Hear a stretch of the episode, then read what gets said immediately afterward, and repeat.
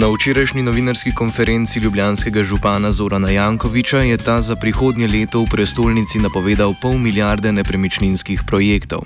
Prvi izmed projektov, ki so stekli v zadnjem letu, je Deltin Hotel International, katerega gradnja poteka na Bavarskem dvoru. Napovedan je začetek gradnje večnamenskega novega kolizeja, za katerega so zemljišče kupili južnoafriški investitorji Green Bay Properties. Župan je omenil tudi nov špar center v Šiški, Plešnikov stadion, gradnjo IKEA-ine prodajalne ter logistični center ob letališki cesti. Premike si obeta tudi v že dlje časa trajajočih projektih, med drugim v trgovinskem centru Stožice. Največ pozornosti pa zbujata dva projekta in sicer načrt za gradnjo garažne hiše pod tržnico v središču mesta ter načrti za potniški center Ljubljana Emonika. Za slednjega naj bi že imeli novega investitorja.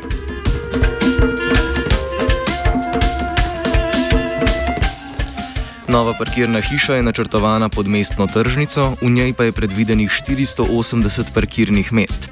Vrednost projekta je ocenjena na 31,4 milijona evrov. Parkirna hiša ima že od napovedi pričetka gradnje leta 2007 mnoge nasprotnike. Župan trdi, da je za pričetek gradnje potrebno le še okoljevarstveno soglasje Agencije Republike Slovenije za okolje.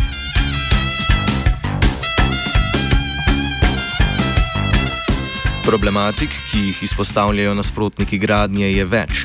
Mirko Brnič Jagr, svetnik SDS-a v svetu Mola in arhitekt najprej izpostavi škodo, ki bi jo lahko gradnja prinesla okoliški srednjeveški in baročni ljubljani. Zaradi tega je investitor primoran, lahko rečemo, poglabljati garažo, zato da dobi kakšno dodatno garažno etažo, kar pa sproža številne nove tehnične probleme. Se pravi, takšna garaža potrebuje potrebuje obodni zid in poglabljanje več nadstropij pod zemljo bi pomenilo, da se pod grajskim hribom zgodi tako rekoč neprepustni jez, ki bi zadrževal vodo iz hribovja, se pravi iz grajskega pobočja. S tem pa bi prišlo do občutnega poslabšanja temelj, temeljev, to se pravi eh, nosilne strukture srednjeveškega mesta na katerem se pravi o, v obodju te garaže. No, potresna varnost pa je sploh problem teh objektov, starih, precej dotrajanih objektov. In tukaj bi omenil na eni strani vso strukturo mesta, tega srednjeveškega mesta, in na drugi strani baročni del Ljubljana, se pravi stolnica, semenišča in tako dalje. Se pravi, gre za arhitekturo neprecenljive vrednosti ki bi bila prizadeta zagotovo z samim gradbenim postegom, kot imamo izkušnje tudi pri uršulinkah, ker vemo, da je prišlo do zelo neželenih poškodb uršulinske crkve. Projekta prav tako ne podpira svetnica Združene levice v mestnem svetu Mola Nataša Sukič, saj meni, da bi takšen poseg v središču mesta ogrozil ne le okoliško arhitekturo, ampak tudi arheološke ostanke samostana, ki se nahajajo pod mestno tržnico. Gradnje bi z izkopavanjem zemljišča ob samih temeljnih ogrozil dragoceno kulturno dediščino, ki se nahaja v neposrednji bližini tržnice. Prav tako se na lokaciji nahaja uh, tudi uh, z arheološkimi um, izkopaninami, izredno bogato območje uh, in uh, možnost ohranitve in prezentacije teh arheoloških ostankov, recimo v obliki srednjeveškega muzeja na lokaciji izkopanin, uh, umestitev parkirnih mest tako onemogočila. Ne. Za projekt gradnje posega ravno varovane ostrine na južnem delu Vodnikovega trga. Poleg kulturno-varstvenega aspekta, zaradi katerega nasprotuje gradni parkirne hiše, Nataša Sukič izpostavlja tudi, da je sredstev namenjenih v ta projekt v letošnjem letu preveč. Kot rečeno, vrednost projekta je 31,4 milijona evrov in za letos je predvidena poraba proračunskih sredstev v višini 2,2 milijona evra. Zdaj, če vemo, da uh, ni pridobljenega okoljevarstvenega dovoljenja in da uh, nikjer ni zagotovila za to dovoljenje, torej to soglasje Ministrstva za okolje in prostor uh, oziroma ARSA bo težko uh, pridobiti, ne, nikjer ni torej zagotovila, da ga bomo uh, pridobili, um, se je treba tudi vprašati, ali je smiselno tako na pamet tako velika sredstva vlagati v, ne vem, uh, zato, da se ureja nekakšna dokumentacija pa, in tako naprej. Mislim, da tudi niso uh, ustrezno narejene čisto vse uh, analize um, uh, glede uh, torej teh uh, kulturno-varstvenih pogojev. Pomemben problem pa predstavlja tudi prometna ureditev ljubljanskega mestnega središča. Mol že dlje časa stremi k zmanjšanju zasebnih prevoznih sredstev v centru. Gradnja parkirne hiše na takšni lokaciji pa bi prometa v središču mesta kvečemu spodbudila, kar je tudi eden izmed razlogov za nasprotovanje opozicije. Lista Zorana Jankoviča in stranka modernega centra za komentar nista bili dosegljivi.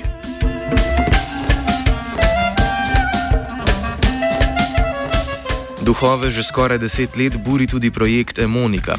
Korenine načrtovan novega centra za potniški promet segajo še v župansko kampanjo Danice Simšič. Začetke komentira novinar dnevnika Peter Pahor. Projekt se je začel ja, v izteku mandata Danice Simšič. Mislim, da so čisto na koncu mandata sprejeli v bistvu te ključne prostorske akte in izbrali tri granit kot eh, partnerja projekta. Um, prvotni načrti, mislim, da, bil, da bi bil v dveh do treh letih ta center končan. Po izvolitvi Zorana Jankoviča so se razmere za izvedbo projekta spremenile. Prav tako se je pričel spreminjati koncept. Več o tem Peter Pahor. Tem je uh, zmagal na volitvah Zoran Jankovič in na nek način so se začele takrat tudi težave, ker je imelo županstvo, recimo in tudi podžupan Kožel, uh, so imeli drugačne poglede na ta projekt, tako arhitekturne, predvsem pa urbanistične, uh, predvsem vezane na idejo, da, bo, da se bodo nekoč v Ljubljani poglobili tiri. Zato se je takoj po, po volitvah začelo spreminjati uh, prostorski akt, kar je stvar zavleklo za vsaj eno do dve leti. Uh, in mislim, da je to pač bil zdaj en tak ključen moment v tem projektu, ker v bistvu s tem, ko se je zavleklo za dve, tri leti, je, smo ravno padli v hudo nepremičninsko krizo ki je tudi investitorja zelo prizadela. In mislim, da recimo od leta 2012 naprej imamo občutek, da je tri granit v bistvu samo iskal priložnost, kako se iz tega projekta pravzaprav umakniti. Po mnenju Pahorja je pomembno vlogo pri večletnih komplikacijah za izvedbo projekta povzročila tudi nezainteresiranost slovenskih železnic. Mislim, da slovenske železnice že od vsega začetka tega projekta nastopajo kot zelo, zelo neresen partner. Pravzaprav na koncu niso niti več partner, ampak ne vem, nek nemi opazovalec tega projekta. Uh, že od začetka je jasno, da so v bistvu pristopili k projektu na ta način, da so pot, na čist kratkoročno poskušali čim več zaslužiti s projektom, Uh, umaknili so se zelo hitro, izkoristili vse možnosti iz pogodbe, da so v bistvu čim več denarja potegnili od tri granita. Tako da gotovo so tudi slovenske železnice tu, mislim, da celo glavni krive za ta projekt, pač tako slabo končal, kot je. Vem, vem da, da, so, da je imel tri granit, pa mestna občina tu je velike težave takrat, ko so spreminjali projekt in projektiranje, ker na slovenskih železnicah to potek, eh, potekalo zelo, zelo počasi, recimo neke umestitve nekih pod, podpornih stebrov se je govorilo več mesecev, če ne leto in tako naprej. Tako da slovenske železnice so zelo neresno se lotile tega projekta. Glavni investitor projekta Triggernit se je že pred štirimi leti poskušal umakniti iz projekta, saj mu občina ni dopuščala odstopanj od izvedbe projekta. Več pove Pahor. Mislim, da leta 2012, takrat, kot sem že omenil, je Triggernit se poskušal celo umakniti iz projekta, oziroma mislim, da, bi, da so najprej poskušali uh, projekt končati tako, da bi v bistvu vsaj ta komercialni del začeli graditi, v bistvu samo stolpnico in šele naknadno v bistvu javni del za železniško in avtobusno postajo, ampak uh, pač tega jim na občini niso dopustili, ker so pač uh, se investitor zavezal, da bo projekt, da bo javni del gradil pred zasebnim ali pa vsaj usporedno.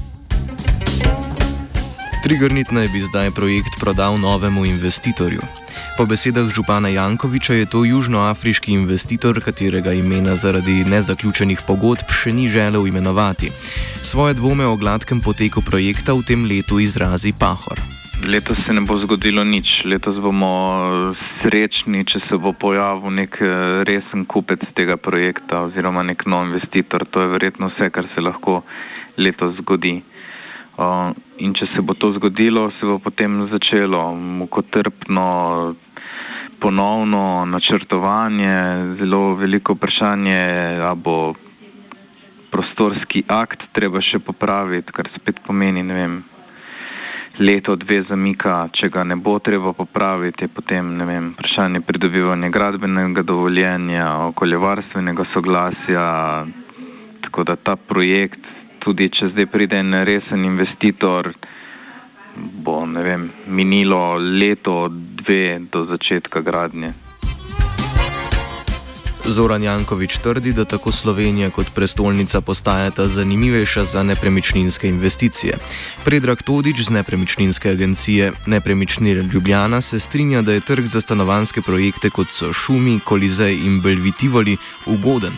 Predvsem zato, ker v Ljubljani primankuje bolj luksuznih stanovanj v centru mesta skupaj zdaj v tem trenutku je Kolizej, Šumi, Buna, v centru mesta, zdaj sam govorim, ali pa v bližnjem centru, uh, potem Roška, Dalmatinka, to je pet projektov, ki dejansko se zaključuje, ne? ali pa začenjajo z gradnjo, primer Belvi, ne? to so stanovanjske nepremičnine, ker primer v bistvu imajo zelo malo poslovnih uh, prostorov, ne? primer Šumi ima sam pritličja, ki tudi del je, je tudi poslovni, ne? vendar v centru mesta vi nimate nobenih takih na nivoju, ko bi rekel, s tehničnim zahtevnem zadajo nepremičnin, kot naprimer kristalna hiša, ne, palače, ko se že imenuje.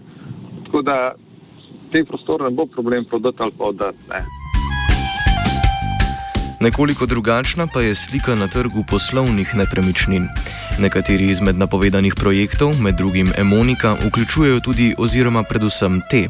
Todič izpostavlja, da sta na trgu poslovnih nepremičnin ekonomika in pričakovanje prihodnjega gospodarskega stanja mnogo pomembnejša kot na stanovanskem trgu. Glede poslovnih nepremičnin pa še zmeraj ni toliko investitorjev, ki bi ali pa.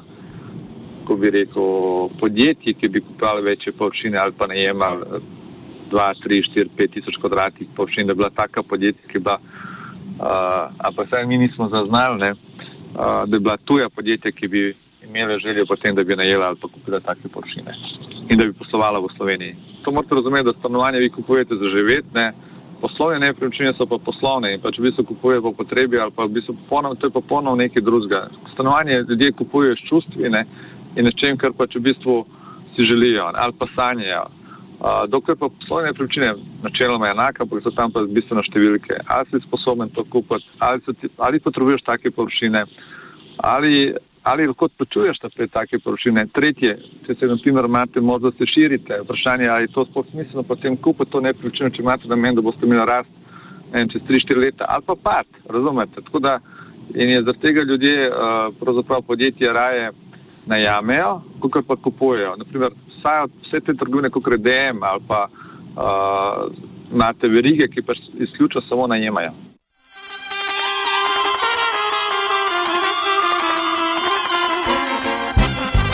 Offset sta pripravila vajenka Rina in Cviter. Offside.